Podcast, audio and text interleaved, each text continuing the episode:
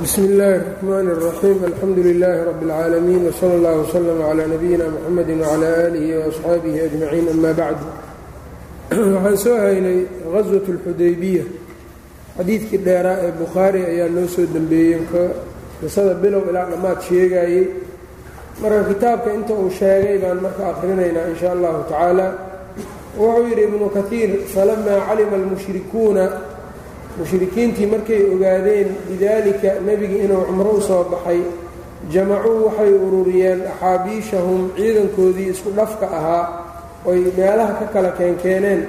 Wa kharajuu min makkata maka ayay ka soo baxeen. Saadiina iyagoo kuwa celinaya allahu nebiga ka celinaya can ilictimaari inuu cumraysto. Hada alcaam sanadkaas inuu cumraysto. Waqadamuu calaa khaylin lahum waqadamuu waxay hormariyeen calaa khaylin fardo lahum ay lahaayeen iyagu ayb waqadamuu waxay hormariyeen calaa khaylin fardo dushood waxay ku hormariyeen lahum iyaga ay lahaayeen khaalid bna alwaliid ilaa kuraaci alhamiim meesha la yidhaha kuraac alhamiim ayb halkaa ayay marka geeyeen oo fardooley khaalid ku jira ayay gaarsiiyeen halkaa iyo kuraac alhamiim ayay u direen. Wa khaalafahu sala allahu calayh waali wasalama nebigu waa weydaartay oo waa khilaafay. Fi dariiqi jidka ayuu ku weydaartay. Faintahaa ila alxudaybiyati xudaybiye ayuu gaaray. Wa taraasala huwa waalmushrikuun isagii iyo mushrikiintii ayaa markaa fariimo isku diray. Xataa jaa'a suhaylu bnu camrin ilaa uu ka yimid fasaalaxahu calaa an yarjica canhum. Waa la heshiiyey calaa an yarjica canhum inuu ka laabto ayuu kula heshiiyey. Caamahu haada sanadkiisaas ka ka sanadkan yacni markaa sanadkan kan ah inuu laabto ayay ku heshiiyeen wa an yactamira inuu soo cumraysto fi lcaami almuqbili sanadka soo food leh ee soo socdo. Fa ajaabahu sala allahu calayh waali wasalam nebigu waa yeelay ilaa maa sa'ala wixii uu su'aalay suhayl. Limaa muxuu u yeelay marka nebiga limaa jacala allaahu liajli maa kii dartiis jacala allaahu alla uu yeelay casa wajalla fii daalika heshiiskaa dhexdiisa uu yeelay oo min albarakati baraka-a iyo walmaslaxati maslaxa. Ah ilaahay heshiiskaa dhexdiisa waxa uu yeelay barakaya maslaxaha darteed ayaa nebiguna u yeelay oo u oggolaaday wa kariha daalika way kahdeen arrinkaas heshiiska ah. Jamaacatun jamaaco oo min asxaabihi nebiga asxaabtiisa ka mid ah. Minhum waxaa ka mida jamaacada cumar bnu lkhadaab radia allaahu canhu baa ka mid ahaa. Waraajaca abaa bakrin asidiiq abuu bakar ayay hadallo ayuu kula celceliyey. Abuu ayuu kula celiyey hadal fii daalika arrinkaa ku saabsan.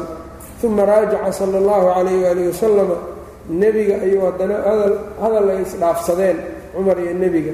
Fa kaana jawaabuhu sala allahu calayh waali wasalama jawaabtiisu waxay noqotay nebiga kamaa ajaabahu sidiiqu abuu bakar sidii uu u jawaabay radia allaahu canhu wa huwa annahu cabdullaahi jawaabtuna sidan bay ahayd wa huwa annahu isagu nebigu inuu yahay cabdullaahi ilaahay addoonkiisa wa rasuuluhu ilaahay rasuulkiisa inuu yahay walaysa yacsiihi inuusanna ilaahay caasinaynin.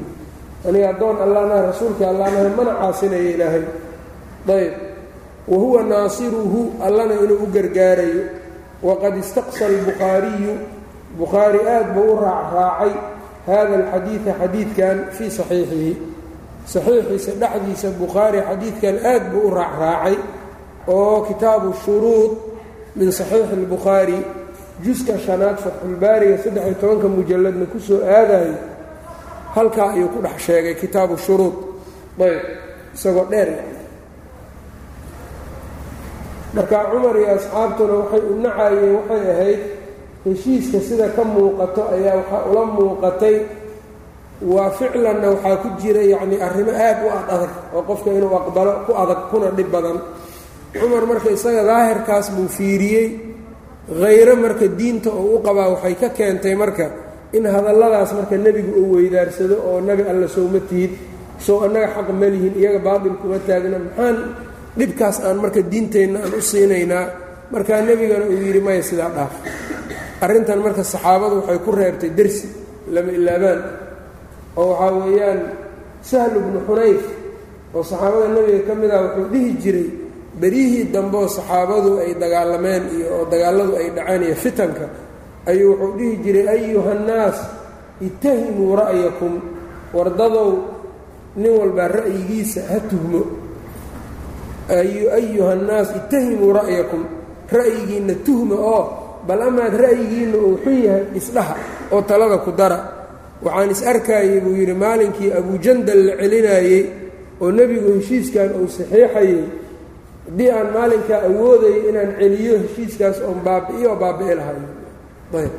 Markii dambena maslaxadiisa iyo khayrkii ka xasilay yaan dib ka ogaanay buui marka dad walbow ayuhannaas itahimuu ra'yakum. Ra'yigiinna tuhma ayb. Marka qofku waxaa laga rabaa marka maxaad u malaynaya marka hadday saxaabadu sidaa ay darsigay ku qaateen wixii ka dambeeyena iyagu markaa hadday ra'yi soo jeedinayaanna ra'yigoodu in qalad ku jiri karo saxsami karana waa aaminsanaayeen.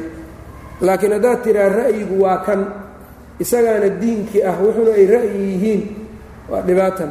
Oo adiga ra'yigaaga marna aadan tuhmaynin maskaxdaada iyo fakarkaaga haddii aadan tuhmin waa dhibaatan. Ayb qofka bani aadamka kale isaguna ra'yiga kale kula leh ee talada kula wadaago isaga laftirkiisa ra'yigiisa toosnaan karo. Ayb marka talada mar walba wax kala reeb kala reeb yacnii kala reeb yacnii kala reebasho qofku inuu lahaado. Ayb. Ee hadhow marka uu ku cudur daaran kara xataa. Ayb.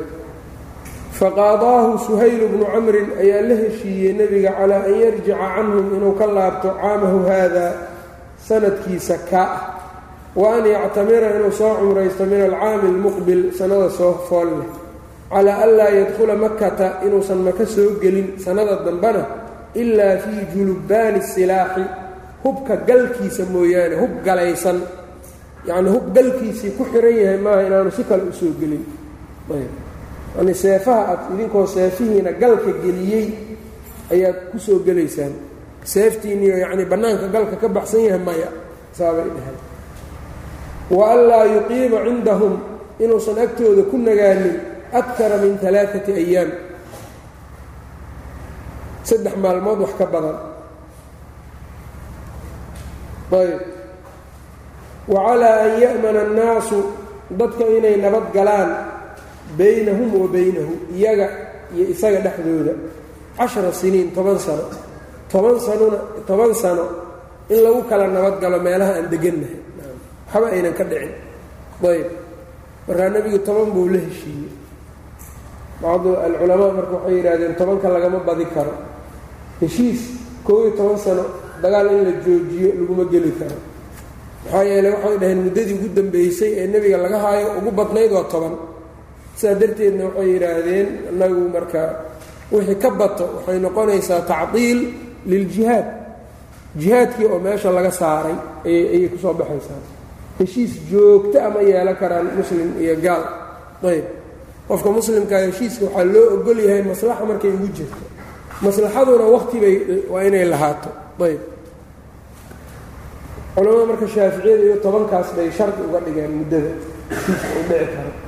Laakiin a'immada muxaqiqiinta sida alimaam ibnuulqayim oo kale zaadulmacaadka wuxuu leeyahay heshiiska isagoo aan muddo lahayn oo aan muddaysnayn waa la kala saxeexan karaa. Ayb. Oo waxaa tusaya buu yidhi qisada khaybar ku imaan doonta oo nebigu sal ly slam uu yidhi nuqirukum fiiha maa shi'naa nebigu khaybar yahuudi joogtou la heshiiyey dhulka inay ka shaqeeyaan haafna wax ka soo baxo ay muslimiinta u keenaan nuska kalena ay iyaga markaas qaataan. Heshiiskaa inta uu soconayana waxa uu yidhi waa intii annaga aan rabno oon doonno. Muddo male marka kaas. Ayb. Heshiis marka mutlaqana waa jiraa muddona waa loo yeeli karaa laakiin tan la diidayaa waxay tahay heshiis joogto ah oo waaro ayb. Oo la yidhaahdo wax annaga iyo yacnii hadda heshiisyadan ay samaynayaan qawaaniintan ay ku magacaabaan alqawaaniin addowliya oo inaan yacni dowlad dowlad ku xadgudbin oon dagaal la gelin iyo waxyaabahaas la qorqoray iyo iyo islama socon karaan yacni sharciga islaamka. Ayb. Qofku marka waxaa loo ogol yahay intii uu ka xoogeysanayo waa iska joogi karaa oo waa tabar waa waa istaba waa tabaabushaysan karaa. Laakiin wixii ka dambeeyo isagoo awoodi leh inuu dacwadii faafi waayo. Waxaa weeyaan waa khalad weeyaan oo aayaad fara badan baa diidayo nebiga la amray iyo mu'miniinta. Yaa ayuha aladiina aamanuu qaatiluu aladiina yaluunakum min alkufaari walyajiduu fiikum hilda ayb waclamuu ana allaha maca almuttaqiin ayb fakaanat hadihi اlhudna heshiiskaani waxay ahayd min akbari اlfutuuxaat guulaha tii ugu weynayd bay ahayd lilmuslimiina u sugnaatay. Guulaha muslimiinta u sugnaaday midda ugu weyn buu ahaa heshiiskan kamaa qaala cabdullaahi bnu mascuud sida uu yidhi cabdullaahi bnu mascuud radia allaahu canhu ilaahayna waaba ku sheego wuxuu yidhi innaa fataxnaa laka fatxan mubiina. Ayb. Mararka qaar marka waxaad garanaysaa dagaalku inuu noqon karo guushu xataa inay noqon karto hab aan markaas dagaal aan ahayn guulna in markaa ay noqon karto oo keydka iyo tadbiirka iyo yacnii waxa ay dadka muslimiinta madaxda muslimiinta yacnii dadkooda yacni si dhaba u matalo waxa ay markaas yacnii ay ama heshiisyada ah ama dagaalada ah intuba in futuuxaadku ku imaan karaan. Ayb. Kama wacalaa annahu heshiiska waxaa kaloo ku jirtay wacalaa annahu man shaaa qofkii doono dakhala wuxuu gelayaa fii caqdi rasuuli illahi sal ly slam nebiga dhinaciisa ayuu heshiiska ka gelayaa. Waman shaaa qofkii doonana dakhala wuu gelayaa heshiiska fii caqdi qurayshin. Quraysh dhinaceeda ayuu ka gelayaa. Ayb qabaa'ilka kala wa inay labadan ku kala la kala galaan. Fa kaanat khusaacatu khusaaco waxay ahayd miman dakhala fii caqdihi sala allahu calayh waali wasalam khusaaco qabiilka la yidhaha nebiga safkiisay galeen iyagoo aan markaas muslimiinba ahayn laakiin in nebigay ku noqdeen ay waxay la noqdeen markaa heshiiska dhinaciisay ka galeen. Wa dakhala banuu bakrin reer bani bakarna fii caqdi qurayshin bay galeen. Wa calaa annahu laa ya'tiihi axadu minhum wa calaa annahu shanigu inuu yahay laa ya'tiihi axadun qof inuunan imaanaynin oo minhum iyaga ka mid ah. Wain kaana musliman muslimba ha ahaadee ilaa raddahu calayhi ilayhim xaggooda u soo celinayaa yacnii qof annaga meesheenna ka soo tago maka qofkii ka soo tago ee adiga kuu yimaado muslimba ha ahaadee waa noo soo celinaysaa. Ayb. Wain dahaba axadun qof hadduu tago min almuslimiina muslimiinta ka mida ilayhim gaalada uu aado isagu doorto laa yarudduunahu ilayhi u soo celin maayaan. Ayb annagana waxba kuu soo celin mayno adiga laakiin waa noo soo celina meelaha marka aad ugu cuntanmi waayey tanoo kale ahayd heshiis marka labada daraf daraf ku dhib badan wa ayb laakiin nebiga ilaahay baa u waxyoodayoo meeshaan in khayr ka soo socdo ayuu ogaaday mana caasinin ilaahay subxaanahu wa tacaala. Ayb walidaalika marka hadda wixii fiqi ku jirana casharkii horaan uga soo hadalna dabcan. Nacam qofka la celin karo iyo dadkaan la celin karin naagaha kuma jiraan. Ayaga ayb oo aayadaa ka soo degeen suurat lmumtaxina nimanka aan cashiirada iyo qaraabada ku lahaynna kuma jiraan ayagana meeshaas. Ayb. Oo qof hadda kuma geli kara taas heshiis. Ayb. Oo maxaa yeelay iyagii diinka in laga fidneeyaa badan laakiin dadka laysleeyahay iyagoo isfurdaamin karaan ama meesha daday ku leeyihiin qabiil iyana oo iyagu yacni dhibaatadaas isaga adkaysan karo iyagu waa la geli karaa taasoo kale. Haddii haddii loo baahdo. Ayb faaqara allaahu subxaanahu ilaahay subxaanahu watacaala wuu qiray daalika kaagaasi kullahu dhammaantiisa marka heshiiskaa ilaahay baaba u qirayba marka inaysan dembi ahayn bay tusaysaa ayb ilaa ma statnaa wuxuu alla ka reebay ou soo reebay mooyaane min almuhaajiraati almu'minaat haweenkii soo hijrooday ee mu'minaadka ahaa ah min annisaa'i oo naagahan ah fa innahu nahaahum wuu reebay alle oo mu'miniinta waa ka reebay can raddihinna celintooda ilalkufaari ay u celiyaan. Oo alla wuxuu yidhi laahunna xillun lahum walaa hum yaxilluuna lahunna. Isuma xalaal aha marka.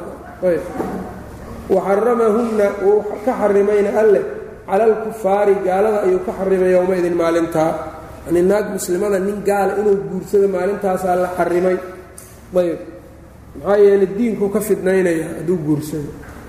Ayb dadku hadda meesha yacni ay gaareen yani waa la yaab yani taqaarubka iyo gaal isu dhoweynta waxay ka gaareen hadda dad laga yaabo in loo maleeyo inay iyagu aad yacnii diinta ugu taagan yihiin oo laga yaabo in loo haysto inay yihiin hogaamiyeyaal ruuxi ah. Yaa waxaa jira yacnii dhahayo naag muslimada nin gaala waa guursan karaa. Xasan turaabi xasan turaabiga suudaana yaa beri dhexdan on dheeraynbuu fadwo soo saaray uu leeyahay waa isguursan karaa. Naagta muslimadda nin gaala waa guursan karaa. Maxaa yeele wax diidaya ma lahan nimankaba waa guursa nimankuba ahlu kitaabka waa guursan karaa naagaha. Ah naagaha marka maxaa loogu diidaya ayuu leeyahay? Waa iska ra'yi iyo qiyaas. Ayb. Marka waana ijmaacuu baabi'inayaa marka ijmaacu lmuslimiin saxaabadii ilaa iyo waqtigan aan joogno muslimiinta waxay ku ijmaacsan yihiin naag muslimada nin gaala inuunan guursan karin ousanna u ahayn marka gayaanna uusan u ahayn.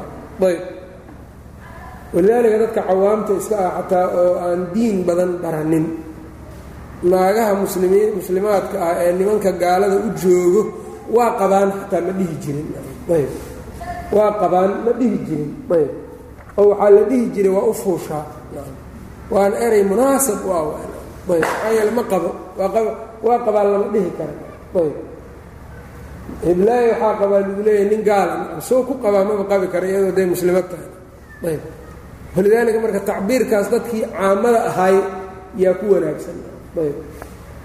Marka ijmaacaasana marka ninkaa uu baabi'iyey marka waxaa dareemaya dad diin wax ka barbartay un. Dhibaatada ay diinka ku samay karaan oo ay ka daran yihiin inay uga daran yihiin diinka dadka dad caamo oo fidradooda isaga socda ayb. Whada amru casiizu maa yaqacu fi اlusuul wahada wuxuu yidhi marka ibnu kaiir fawaa-idiisiibuu marka taabanaya istidraad ahaanta uu keeni jiray. Wahaadaa kan buu leeyahay ishaaradu marka xaggay ku dhaceen wixii nebigu uu qariray ee sunnada ahaa ayaa la qayb laga nasakhay aayadaana lagu nasakhay ama aayadaa lagu takhsiisiyey iska dhe haddaad doonto wixii nebigu si caama u sheegay qur'aankii baa takhsiis ku sameeyey waxbuu ka bixiyey waxna qaarna meesheedii buu u daayey. Tanoo kale marka wuxuu leeyahay amrun arrin weeyaan casiizun aad naadir waa yar waa arrin naadir oo aad u yar maa yaqacu fi lusuuli maa yaqacu ma dhaco buu yidhi fi lusuuli yacnii usuulka dhexdiisa kuma dhaco usuulka wuxuu ka wada usuululfiqiga yacnii caam iyo khaasaa jiro naska caamka ah sida badan qur'aankaa cumuumka ku yimaado sunnadaa marka takhsiisiso maxaa yeelay sunnadu iyadu waa bayaan waxbay bayaanisaa. Marka qur'aanku marka si duuduuba loo sheego takhsiiska iyo tafaasiisha sida badan yaa iska leh sunnadaa iska lahaatay sida badan. Walidaalika waa aqiimu salaata ilaahay yidhi see loo tukanaa meeqaa laga tukanaya waxa sunnadii baa tafsiilkaas gasho.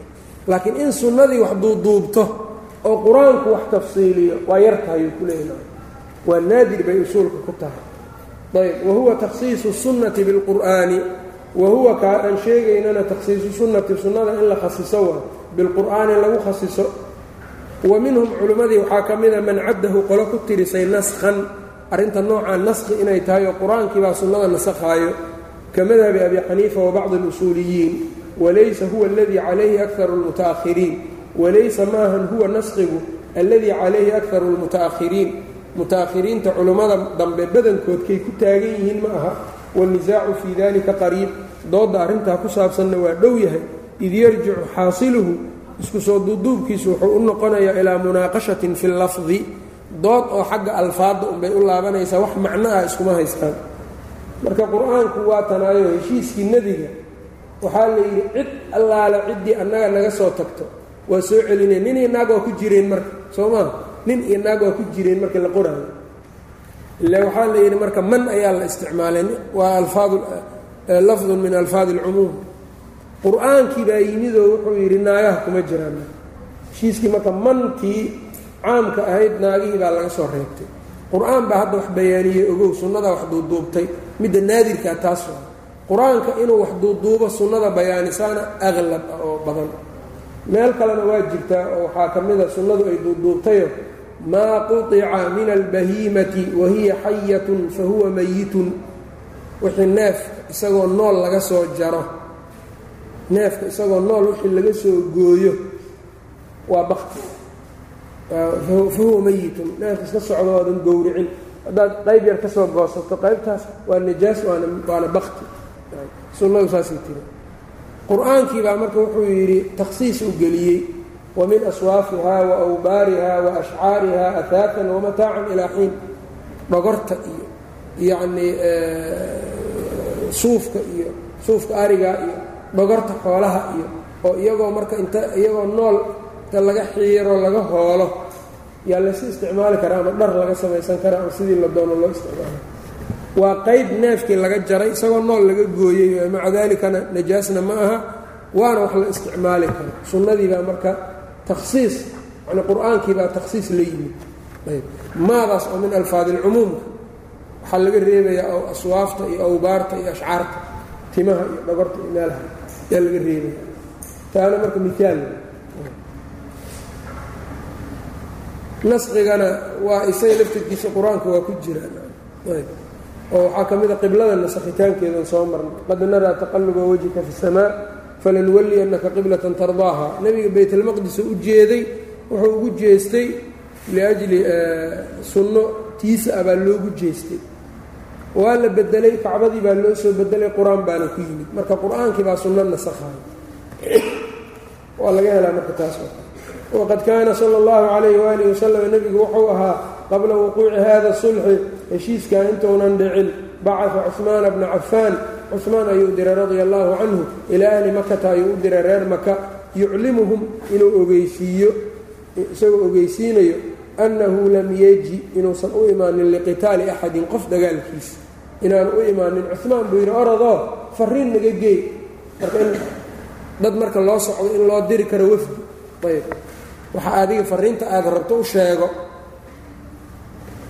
cumaanna maalinkaa dad kale waa loo diri karay laakiin qabiiladiisa aad maka ugu xoog badnayd oo uguna weyneyd isaga marka cashiiradaas uu ku leeyahay darteed baa isaga loo diray. Amaa dadka kale waa qolooyinkan kale uga awood badnaay marka haddii dad kale la heli lahaa qofkaas kale la diri lahaa laakiin cumaan nebigu sababkaasu u diray. Wa inamaa jaa nebigu inuu u yimid muctamiran. Ayb inuu cumraysto yani isagoo cumraysanaya un inuu u yimid. Fa kaana min siyaadati cuثmaan radia allaahu canhu cuثmaan sayidnimadiisa waxaa ka mid ahayd buu yidhi annahu carada calayhi lmushrikuuna mushrikiintii waxay u soo bandhigeen addawaafa bilbeyt kacbada inuu dawaafo. Fa abaa calayhim waa ka diiday wa qaala wuxuu yidhi laa aduufu biha aniga ma dawaafayo qabla rasuuli illaahi sala allahu calayh waali wasalam rasuulka hortii cumaan maadaama ergey uu yahay iyagu ergada ma dili jirin la dirsado sida badan. Meeshii markuu tegey ee fariintii nebiga geeyey ayaa waxay yidhaahdeen ordo haddaad rabto kacbada iska dawaaf. Dee nin marka muslim ah oo kacbadii u hilowsan oo intaas yacnii laga hor joogo gaala ay ka hor joogto oo isagu markaa loo la makaniyey ee layidhi orod bax kacbada iska dawaaf. Yaa marka sunno raaciddiisa iyo yacni sayidnimadiisa iyo qiimihiisu wuxuu keenay iyo caqligiisa inuu yidhaahdo nebigoon dawaafin anuma dawaafayo waxay marka gadaal ha ii jiraan iskagama ordin marka. Kaadsiimadiisay marka tusee waana dabeecad fiican wa qofki inuu degan yahay umuuraha tacaqul uu ku fiiriyo. Ninkii ashajac bilqays nebiga waa kii ku yidhi inna fiika khaslatayni yuxibuhum allaahu laba dabeecad baad leedahay ilaahay uu jecel yahay. Markaasuu wuxuu yidhi alxilmu walanah dulqaadka iyo yacni kaadsiimada walam yarjic cumaanu radia allaahu canhu cumaan ma soo laabanin xataa balaqahu sala allahu calayh ali wasalama ilaa nebiga ay soo gaartay annahu qad qutila cumaanu cumaan in la dilay. War marka kutiri kuteen baa nebiga la soo gaarsiye cumaan waa la dilayal faxamiya lidalika rasuulu llaahi sala allahu calayh ali wasalama arrintaa marka nebigu waa u dhiilooday faxamiya nebigu waa u kululaaday waa u dhiilooday lidalika arrinkaa rasuululahi sal l slam rasuulka lidalika arrinkaa uma dacaa asxaabahu asxaabtiisiibuu u yeedhay ila albaycati inay la mubaayacoodaan cala alqitaali ay kula mubaayacoodaan dagaalma cumaan soo lama dilin. Haddiiba cumaan la dilay baycay galeen inay markaa dagaal galaan oo nimankaa marka ay la dagaalamaan. Fabaayacuuhu way la mubaayacoodeen nebiga taxta shajaratin geed hoosteed bay kula mubaayacoodeen hunaaka meeshaa ku taallay geedda macno gaara kuma jirin meesha geed tii ugu dhoweyd baa iyada noqotay un tawaafuqaa la yidhaha taasoo kale. Geed tii ugu dhoweyd baa taas iska noqotay. Marka na un hooskana geeyo geeddii baa la tegey waa lagula mubaayacooday. Marka qur'aankii baa xusay marka. Laqad radya allaahu can اlmu'miniina id yubaayicuunaka taxta shajara. Ayb muminiinta ilaahay waa ka raalli noqday markay kula mubaayacoonayeen geedda hoosteeda. Geeddaa marka waayihii dambe dad baa waxay ka dhigteen inay barakaystaan oo kale cumar baa isagoo xajka ka yimid oo sii socda ayaa wuxuu arkay dad uun geedda hoosteeda salaad ula qasdaayo oo inay ku tukadaan isku aadinayo markaasuu wuxuu yidhi wardada maa maxay geeddaan? Waa geeddii nebiga kula mubaayacoy asxaabta. Markaasuu wuxuu yidhi war qofkii salaad ay ku qabata geeddan ha ku tukado. Kii aynan ku qabaninna ha ka dhaqaaquu yidhi. Ummadihii idinka horreeyey waxaa halaagay nebiyadooda raadadkooda ay barakaystaan. Ayb cumar marka wuxuu amray baa la yidhi in geeddaas la gooyo. Saynan dadka ugu fidnoobin oo qabuuro caabud oo kale aysan u noqonin ama geeda caabud iyo godad caabud dadku saysan u noqonin dad badan baa godadka caabudo qaaraa buuraha caabudo qaar baa yacnii qubuurta caabudo dadku khuraafadii baa aad uga buuxsantay. Ayb jibaal waxaa jira marka dhulkan shaam lubnaan iyo ku yaallo aad loo barakaysta oo ninkii ku tukada intaasay la mid taha la yidhaah annaguna meel waxaa noo taal toddoba jeer ninkii tago. Hal mar soo xajiyeyo kale la mid tahay la dhahayo. Marka qubuuro dad wax ku jira aan la ogeyn iyo godad hoostooda iyo buuro iyo dad waalwaalan baa la caabudaa xataa dad mukallafiin aanba ahayn oo waxaad layska barakaysanayo. Ayb. Oo sirta ku jirta ma ogidaa lagu leeyahay. Cumar markay asxaabtu waxay diideen geeddaa markaa geeddii in la gooyo ayuu faray waa la jaray geeddii marka riwaayadka qaarna waxay leeyihiin geedda cumar wuxuu wuu dhibsaday inuu zuuliyana waa hamiyey. Sanadii dambe markii la soo noqday geedo badan baa ku dhex baxay. Waa la garan waayey. Bukhaari wuxuu warinayaa marka wuxuu leeyahay saxaabadii arrintaa way ku waa ku farxeen. Ibnu xajar marka waa macneeyey wuxuu yidhi sababkay ugu farxeen waxay tahay si aan geeddaas hadhow loo caabudin. Soo ma aragtid marka dadka saalixiinta meelahay farfariisteen iyo waa lagu fidnoobaan maaha nin meelaan nebigu barakaad meeshaa salaad ha loola qasda meel ounan dhihin in loo aada ma aha laa tushaddu rixaalu ila ilaa alaaati masaajid. Masjid alxaraam wamasjidi haada wa masjid alaqsaa saddexdaas meel ayaa laysdhihi karaa. Alla ilaah meeshaas waa barakaysan tahay safar daaca u aad. Safar barako iyo daaco u tag. Saddexdaa meel baa laysdhihi karaa. Wax ka soo haray maya. Abu hurayra waxaa la arkay jabalu duur ayuu ka yimid. Intuu meeshii nabi muuse ilaahay kula hadlay ayuu tegey waa soo laabtay. Waxaa arkay marka basra ibnu abi basrata alkhifaariy markaasuu yidhi xaggeed ka min ayna aqbalta? Markaasuu abu hurayra yidhi min atuur jabalu tuur xaysu kallama allaahu muusa meeshuu alla muuse kula hadlay. Markaabuu wuxuu yidhi amaa innii low calimtu annaka tadhabu haddaan ogaan lahaa inaad aadaysid lama akhrajta ma aadan baxdeen. Maxaa dhacay buu yidhi nebigan ka maqlay buu yidhi isagoo dhahaya laa tucmalu lmatiyu ilaa ilaa alaaati masaajid. Gaadiid lama samaysto lama rarto ilaa saddex meel unbaa loo rartaa saddexdii meelna kan maahan buu yidhi marka. Abu hurayrana marka waa ka aqbalay. Marka laba saxaabi meeshaa marka xadiidkaas masjid keliya kuma khaas ah marka. Meel walbo oo dadku ay baraka u tagaan xadiidkaabaa diidaya saddexdaas meel unbaa loo tegi karaa. Soo ma garan. Dadka qaar baa waxay ku leeyihiin ganacsiga waa loo safraa cilmiga dalabkiisa waa loo safraa ee ninka cilmiga raadinaya iyo ganacsigu ma ganacsiguu raadiyaa mase dhul bara dhulbuu barako ka raadiyaana ganacsiguu raadiyaa. Haddii la yidhaha maanta isagoo jawhar u socdo war faa'iidadii waxay ka dilaacday marko waa baxayaa marko u aadaya. Isagu jawhar ul uguma dhicin soo ma fahmeen ninka daalibu cilmigana meeshii nin culumaa jooguu aadaa meel mucayana ul uguma mudna wax soo gelaayo marka marka maaha ta nebigu sheegaayo iyo middaan isku midba ah ta nebigu diidayo waxay tahay qofku inuu u qasdo meel uu is yidhaahdo buqcadan macno gaaraa ku jiro oo loo aadaa. Ayb oo cibaadaadka qaar ayaan meel kaleba lagu samey karin inuu iska dhaadhiciyo oon saddexdaas meel ahayn maya ayb xadiidkaa marka culummada shaaficiyaduna saas u fahmeen qaarkood. Oo waxaa ka mid a culummadii qarirtay macnahaas oo xataa ziyaara ziyaarada marka ziyaaratulqubuurka owliyada iyo saalixiinta iyo ambiyada iyo qubuurahooda inaan loo safri karin. Waxaa caddeeyey abuu moxamed aljuwayni waalidu imaami alxaramayn imaamu alxaramayn aabihii asxaabulwujuuha shaaficiyadu ka mid ahaa dadka madhabka wejka kule buu ka mid ahaa. Waxaa ka mid ah qaadi xusein oo fuqahada khuraasaaniyiinta shaaficiyada ka mid ah sidaasay qarireen marka mas'alo cusub ma aha qaar shaaficiyada iyo culummada ka mid ah oo yidhina waa jiraa way bannaan tahay kuwa yidhi in qubuuraha loo safro. Laakiin ma bannaana sababtoo ah mar haddii laysku khilaafay xadiidkuna uu leeyahay meel safar loo tegi karo buqcad barakaysan oo barako ku jirta darteed loogu tegi karaa ma jirto ilaa meelahaas maahane saxaabaduna sidaa u fahmeen sidaasaa marka la joogaa. Diin cusub marka ninka ku yidhaahdo isagaa diin cusub watan geeddaa marka iyadu halkaa marka geeddaasay ka soo baxaysaa. Walidaalika meelaha marka dadkeenna hadda waa ku arkaysaa waxay ku leeyihiin nin waxaad arkaysaa saddex meel lagu siyaarto hadaad weydiisid war ninkan ma saddex meel buu ku duugan yahay.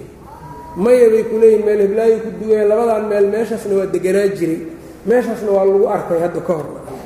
Dad ilaa dhowr meel lagu siyaartaan hebel meeshana saas uu farfariisan jiray meeshaan cilmi buu ku akri jiray meeshuu fariistaba ma la barakaysana marka geeddii nebi qur-aanku sheegay baaba saxaabadu ay ku farxeen in la baabi'iyo ay baaba'do ayb marka geeddan kadib god la barakaysan karaa ma laha abu shaama almaqdisi shaykhulimaam الnawowi wuxuu yidhi isaguna kitaabkiisa albaacid calaa inkaari اlbidaci wاlxawaadid fuqahada shaaficiyadu ka mid ahaa wuxuu yidhi haddaad aragtaan meel la barakaysanayo la farfariisanayo oo yacnii barako laga raadinayo nafci iyo duri ogow waa daatu anwaad uu yidhi middaas. Waa daatu anwaad. Daatu anwaad xadiidkaa ku soo arooray.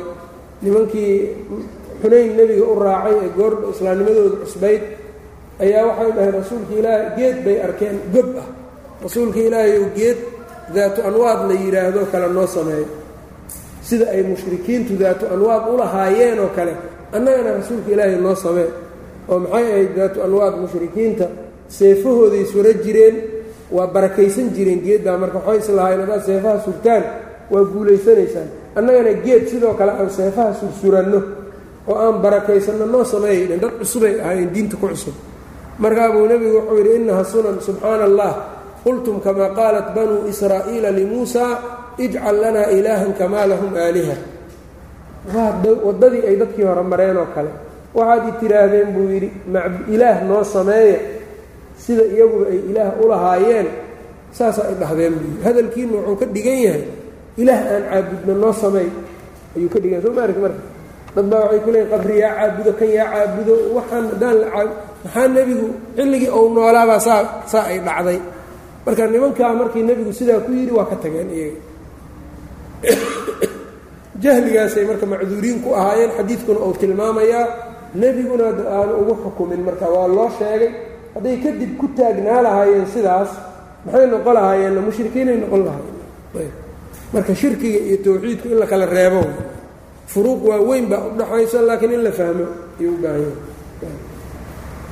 yahay. Marka diinka laga soo gaarayna waa kuwaasaa fuqahada ahaa kuwii marka shaaficiyada ahaana sidaasay leeyihiin ayb marka dad laba boqol ama saddex qarni ama laba qarni uu joogo yacnii in laga dhigaba madhabka shaaficiyada iyagu inay calanka u wadaan khalad ayb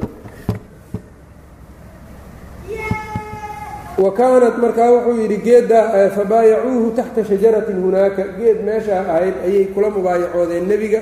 Wa kaanat samuratan qurac bay ahayd geeddu marka. Geed quraca buu ahaa. Ayb wa kaana ciddatu wa kaana ciddatu man baayaca. Ayb. Wa kaanat ciddatu man baayaca hunaaka dadkii meeshaa kula mubaayacooday tiradoodu waxay ahayd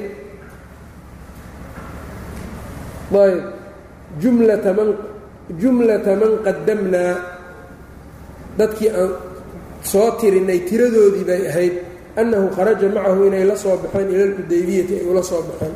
Dadkii aan kor ku soo sheegnay inay nebiga soo raaceen xudaybiye u soo aadeen bay ahayd dadkii la mubaayacoodayna tiradooda kun iyo afar boqol kun iyo shan boqol ilaa daalik. Ayb.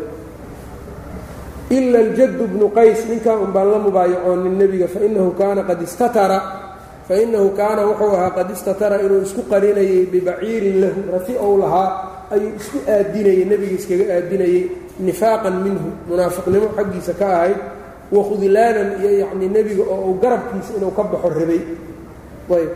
Iyo wailaa abaa sariixata abuu sariixa mooyaane xudayfata bni asiid fainahu shahida alxudaybiya xudaybiya ayuu xaadiray isaga. Wa qiila inahu lam yubaayic lama mubaayacoonina waa la yidhi waqiila bal baayaca xagga kama soo raacin isaga. Wa kaana awala man baayaca yowmaidin qofkii ugu horreeyey nabiga la mubaayacooday maalintaa abuu sinaan ayuu ahaa wahbu bnu mixsan akhuu cukaashata bni mixsan walaalkiis ahaa. Wa qiila waxaa la yidhi ibnuhu ayuu ahaa sinaanu bnu abi sinaan. Wa baayaca salamatu bnu lkwac salamatu bnu lakwac radia allaahu canhu yowma-idin maalintaa nebigu wuxuu la mubaayacooday alaaa maraatin saddex jeer biamri rasuuli llahi sal l slama rasuulka amarkiisa lahu uu isagu amrayey bidaalika sidaa saddex jeer baa nebigu uu amray inuu soo noqdo oo la mubaayacoodo mar walba. Ayb dadka markaa nebigu uu ku xisaabtamayo ka mid aha salamatu bnu lakwac radia allahu tacaala canhu. Kamaa rawaahu muslimun canhu sida uu muslim wariyey oo uu yani laga wariyey salama laftirkiisa. Wa wadaca sala allahu calayh waalihi wasalam yaddahu nebiga gacantiisa wuxuu dhigay wuxuu saaray can nafsihi alkariima nafsadiisii wanaagsanayd. Yani gacantiisiibuu gacantii kala saaray saa uma qaala waxa uu yidhi wahaadihi tanna can cumaan cumaan bay naa'ib ka tahay gacantaydan kale cumaan oo maka jiro ayay naa'ib ka tahay oo cumaan baa marka nebigaa baycadii u qaaday ayb oo labadiisii gacmood buu isa saaray nebiga midna waa cumaan midna tiisii marka nebigu cumaan laftirkiisa siduu isugu halleynayay iyo yacnii siduu u ogaa yani iimaankiisa dhabnimadiisa ayaa uu halkaa marka kula galay wahaadihi can cumaan ayuu yidhi fakaana dalika kaagaa wuxuu ahaa oo sidaa nebigu uu u yeelay baa waxay ahayd ajalla mid ka weynin badan min shuhuudihi tilka albayca baycadaas inuu goobjoog ka noqdo oo baycadaa inuu goobjoog ka noqdo waxaaba uga fiicnaatayba gacantii nebiga oo cusmaan laga soo qaaday oo cumaan marka naa'ib looga yeelay marka fadli cumaan waxaa ugu filan nebigoo labadiisii gacmood isu geliyey isagu joogin laakiin shaqou nebiga ugu maqnaayo makaa loo diray ayb walidaalika dadka wax ceebeeyo ee khawaarijta iyo ayaa waxay ku ceebey jireen cumaan beder ma xaadirin uxud waa cararay baycatu ridwaanna ma joogin. Ibnu cumar baa intuu u yimid buu su'aalay saddexdaas su'aal ka warran. Waa jirtaa buu yidhi laakiin dhegaysuu yidhi habixin kaale. Markuu saddexdii su'aal u jawaabay buu wuxuu yidhi khaarijigii allahu akbar. Markaasuu wuxuu yidhi kaale. Amaa beder inuusan xaadirin nebiga ayaa gabadhiisii oo uu qabay darteed oo xanuunsanaydoo cid looga soo tago aan jirin ayuu la joogay nebigaana ku ogaa. Xataa nebiga haniimadii beder markuu qaybinayo cusmaanna waa u gooyey qaybtiisii uxudna waxa uu yidhi ilaahay waa cafiyey intii carartay. Oo walaqad cafa allaahu canhum ilaahay waa cafiyey. Haddaad adiga laakiin cafiskii alla raalli ka ahayn jid kale iyo waddo kale ilaahay waa cafiyey haddaadan adiga rabin laakiin shani kale tan saddexaadna waxa uu yidhi qof cumaan ka dabooli karto nebiga booska cumaan ka daboolay hadday jiri lahayd nebigu qofkaasuu diri lahaa cumaanna oo joogi lahaa buu gacantiisii kalowna nebigu baycada ugu qaaday saddexdaanna qaada buu yidhi marka ku tag. Saddexdii jawaab iyo saddexdan dambe isku qaada yidhi lixdaasna. Ayb saas buu yidhi wawadaca ayb marka cumaan taasaaba uga fiicneed waanzla allahu caza wajalla ilaahay wuxuu soo dejiyey fii dalika kaagaas shanigiisa laqad radia allahu can اlmu'miniina id yubaayicuunaka taxta shajara waqaala sala اllahu calayh waalihi wasalama nebigu wuxuu yidhi laa yadkhulu axadun qof ma gelaayo miman baayaca kuwii la mubaayacoodayna ka mida nebiga taxta shajarati geedda hoosteeda ku mubaayacooday annaara naarta ma gelayo dadkii ku yacnii nebiga kula mubaayacooday geedda hoosteeda qof ka mida naarta ma gelaayo nebiga sal slam kulligood waa ahlujanna meeshanna marka shiicada iyo raafidada ayay radin ku tahay. Maxaa yeele waxay dhaheen nebigu sidaan buu yidhi naar ma gelaayo qof meeshaa joogay iyagana dadkii meeshaa joogay kuwii ugu waaweynaabay waxay leeyihiin waa gaaloobeen oo markuu nebiga dhintay kadib bay ridoobeen abubakar iyo cumar iyo cuثmaan iyo akaru saxaaba waa ridoobeen bay dhahayen khumeyni waxaasuu ku qoray bugaagtiisa shaydaanka bugaagtiisa shaydaano uu alifay alxukuuma alislaamiya uu ku magacaabay iyo waxaasuu ku dhigay. Saxaabadii inay gaaloobeen diinta ka baxeen bacda nebi nebiga markuu dhintay kadib waxaas buu daldalay. Marka nebigii waxyi buu ku hadlaa wamaa yantiqu cani ilhawa in huwa ilaa waxyin yuuxaa isagii baa wuxuu leeyahay qof meeshaan joogay naar ma gelaya hadday ridoobi lahaayeen lacalla soo nebiga lama ogeysiiyeenna. Ila ilaahay baa og soo maaha dadku waxay samay doonaan. Ayb. Marka iyagu waxay leeyiin laqad radia allaahu cani ilmu'miniina marka loo soo deliishado waa ahaayeen markaas laakiin gadaal dambay ka baxeen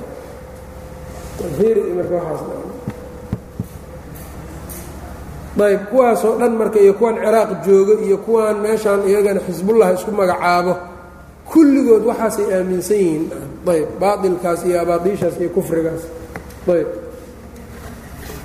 fahaadihi tani hiya baycat ridwaan. Waa baycat ridwaan middan ayaa la yihahdaa walamaa faraga nabiyu sala allahu calayh waali wasalama nebigu markuu dhammeeyey min muqaadaati almushrikiin mushrikiinta heshiiskoodii uu la gelayay kamaa qadamnaa saan soo hormarinay sharaca wuxuu gudagalay fi taxalluli min cumratihi cumradii uu soo xirtay inuu ka xalaaloobo.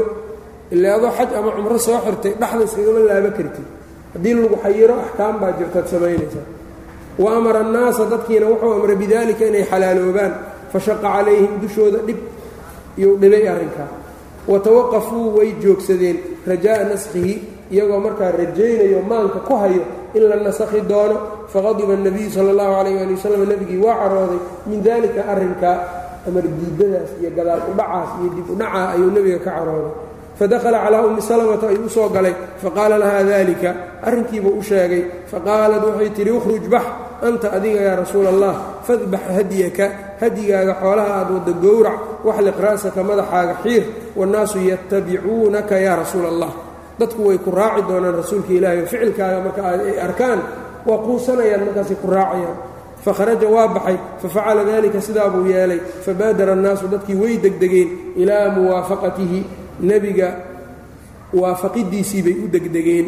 Faxalaquu way xiirteen kulluhum dhammaantood ilaa cuثmaana bna cafaan wa abaa qataada alxaariثa bna ribciy mooyaane. Fainahumaa qasaraa ayagu way gaagaabsadeen. Gaagaabinta labadaba waa bannaan tahay xiiriddaas afdal ah dakarahu suhayliyu ayaa sheegay fii rawdi اlunuf fi rawdi اlunuf ayb intan marka iyadana waxaa weeyaan qof marka qofka dumarka ah intaad xaaje ima dhib ku haysto intaad u sheegto haddaad marka yacnii ra'yi ku og tahay iyo iyo yacnii tala fiican iyo nusxi haddaad ku og tahay intaad sidan baa jirta tiraahdi sidan baa jirta intaad tiraahdi hadhow marka way ku sii kartaa talo wanaagsan oo lagu liibaano. Sida haddaba umu salamo nebigu ay talo lagu liibaano u sii siisay. Ayb dad baa iyaguna meeshaan sii xera taraaray marka nacan yani hawaan in wax loo yacnii sha'ni markaa ku haysto ama sha'ni jiro in qofka uu sheegi karo tala macquul la noqoto hadday siisana uu ku dhaqaaqi karaan joognay. Ayb dad baa marka waxay yidhaahdeen majaalistan baarlamaankay geli kartaa wasiiray noqon kartaa madaxweyney noqon kartaa ayb leesh marka waxaasoo dhan nebigu sooma dhihin lan yuflixa qowmun wallow amrahum imra'a. Ma liibaanaan dad arrinkooda ay u dhiibay ama ay maamushay naag. Ayb markaasay waxay yidhaahdeen maya dad waxaa la arkay naag madax u noqotay oo liibaanay.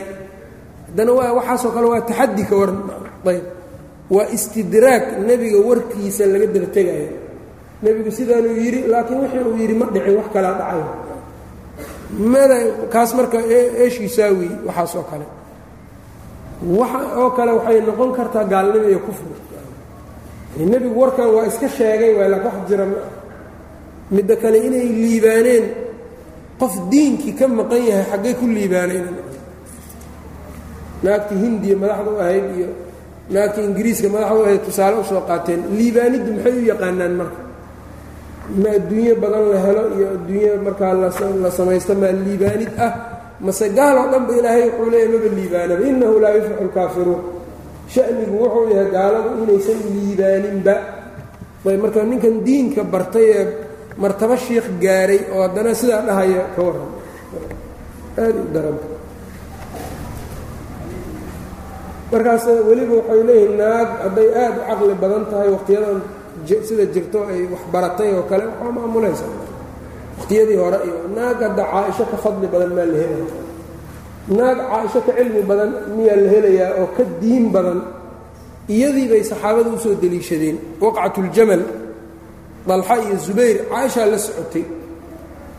Markaasaa abu bakr nufayc bnu اlxaarif aلhaqafi xadiidka werinaya bukhaari oo sida ku sugan markuu arkay baa waxa uu yidhi dadkiibu marka wuxuu ku yidhi war nebigan waxaan ka maqlay lan yuflixa qowmun wallow amrahum imra'a. Iska daaya dad arrinkooda taladooda naag u dhiibtay ma liibaanaan. Caaishaa lagu keenay xadiidka. Famaa baaluka marka qof dambe marka maxaad malaynaysaa? Wakaada bacduhum wakaada ayb marka dadku hadday axaadiidtaas iyagoo arkayay ka tegayaan markaasay aqwaal culumay soo qaadanayaan hebelaa yidhi sheekh fulaanaa yidhi. Sheekh fulaan mar haddii xadiid nebi ou jiro waxba ma dhihi kara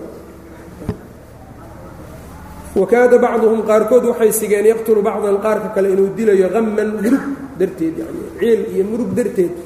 Inay markay isu xiirayeen qaarkood in qaarka kale dilay ku dhowaadeen. Liannahum maxaa yeelay yarawna waxay arkayaan almushrikiina gaaladii qad alzamuuhum inay gaaladii ku laasimiyeen bishuruudin shuruud kama axabuu say iyagu jeclaayeen waxay u arkaan yacni gaaladii oo sidii ay rabeen loo yeelay cil waay marka iyagu marka hayro diineeda haysa markaa laakiin amarka weyn oo xag alle ka yimid oo nebiga loo waxyoodaa meeshan yaallo wa ajaabahum sala allahu calayh waali wasalam ilayha nebigana uu u oo uu yeelay waxyaabahaas. Wahada min fardi shajaacatihim waa kaa marka ibnu katiir wuxuu leeyahay wahadaakan min fardi shajaacatihim saxaabada geesinimadooda xaddhaafka ay tahay weeyaan iyay ka mid tahay. Geesinimadooday tusaysaa radia allaahu canhum. Marka nebiga oo amarkiisu ay diidaan kama ahayne geesinimadoodaa meeshaas tagtay.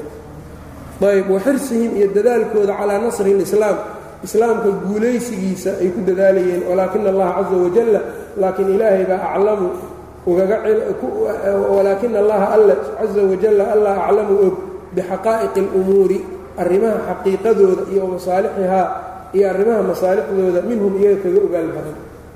Allah iyaga kaga ogaal badan. Marka ilaahay sidaa ahaa yaa nebiga marka sidaa u qariray.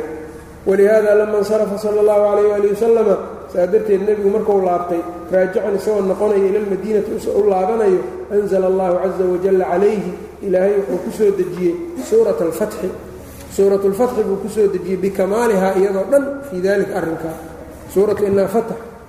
Wa qaala cabdullaahi bnu mascuud cabdullaahina waxau yidhi inakum tacuduuna alfatxa.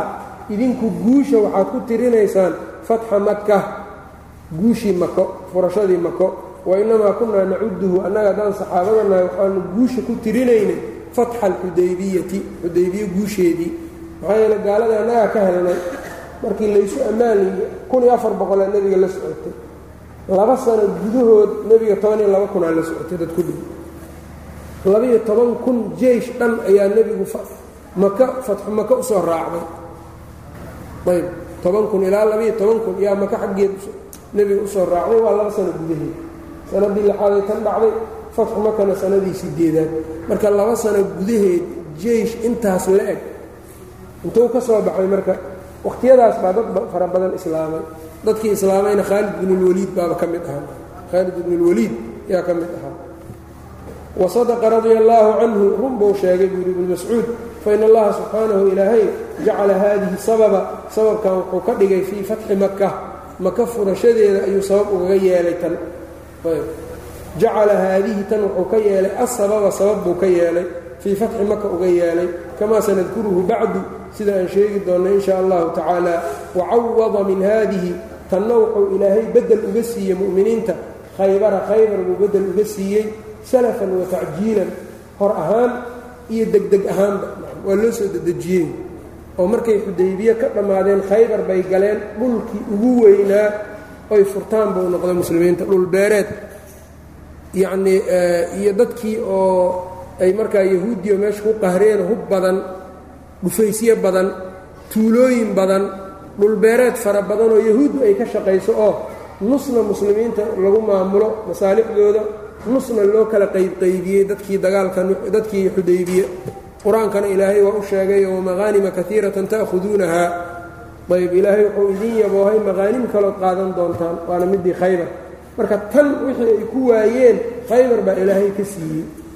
Fa kaanat muddata marka qofku hadduu ilaahay dartii wax uga amarka alla hadduu ku adkaysto uu fuliyo fatxi iyo guul unbaa u dambaynaysa. Marka horeba walow dhibaato fara badan baa iska soo mara fa kaanat muddatu iqaamatihim bilxudaybiyati intii ay xudaybiyo joogeen muddadeedu waxay ahayd naxwan min cishriina leyla labaatan habeen ku dhowaad labaatan habeen bay halkaa joogeen wabilahi towfiiq sal sl ala wala ali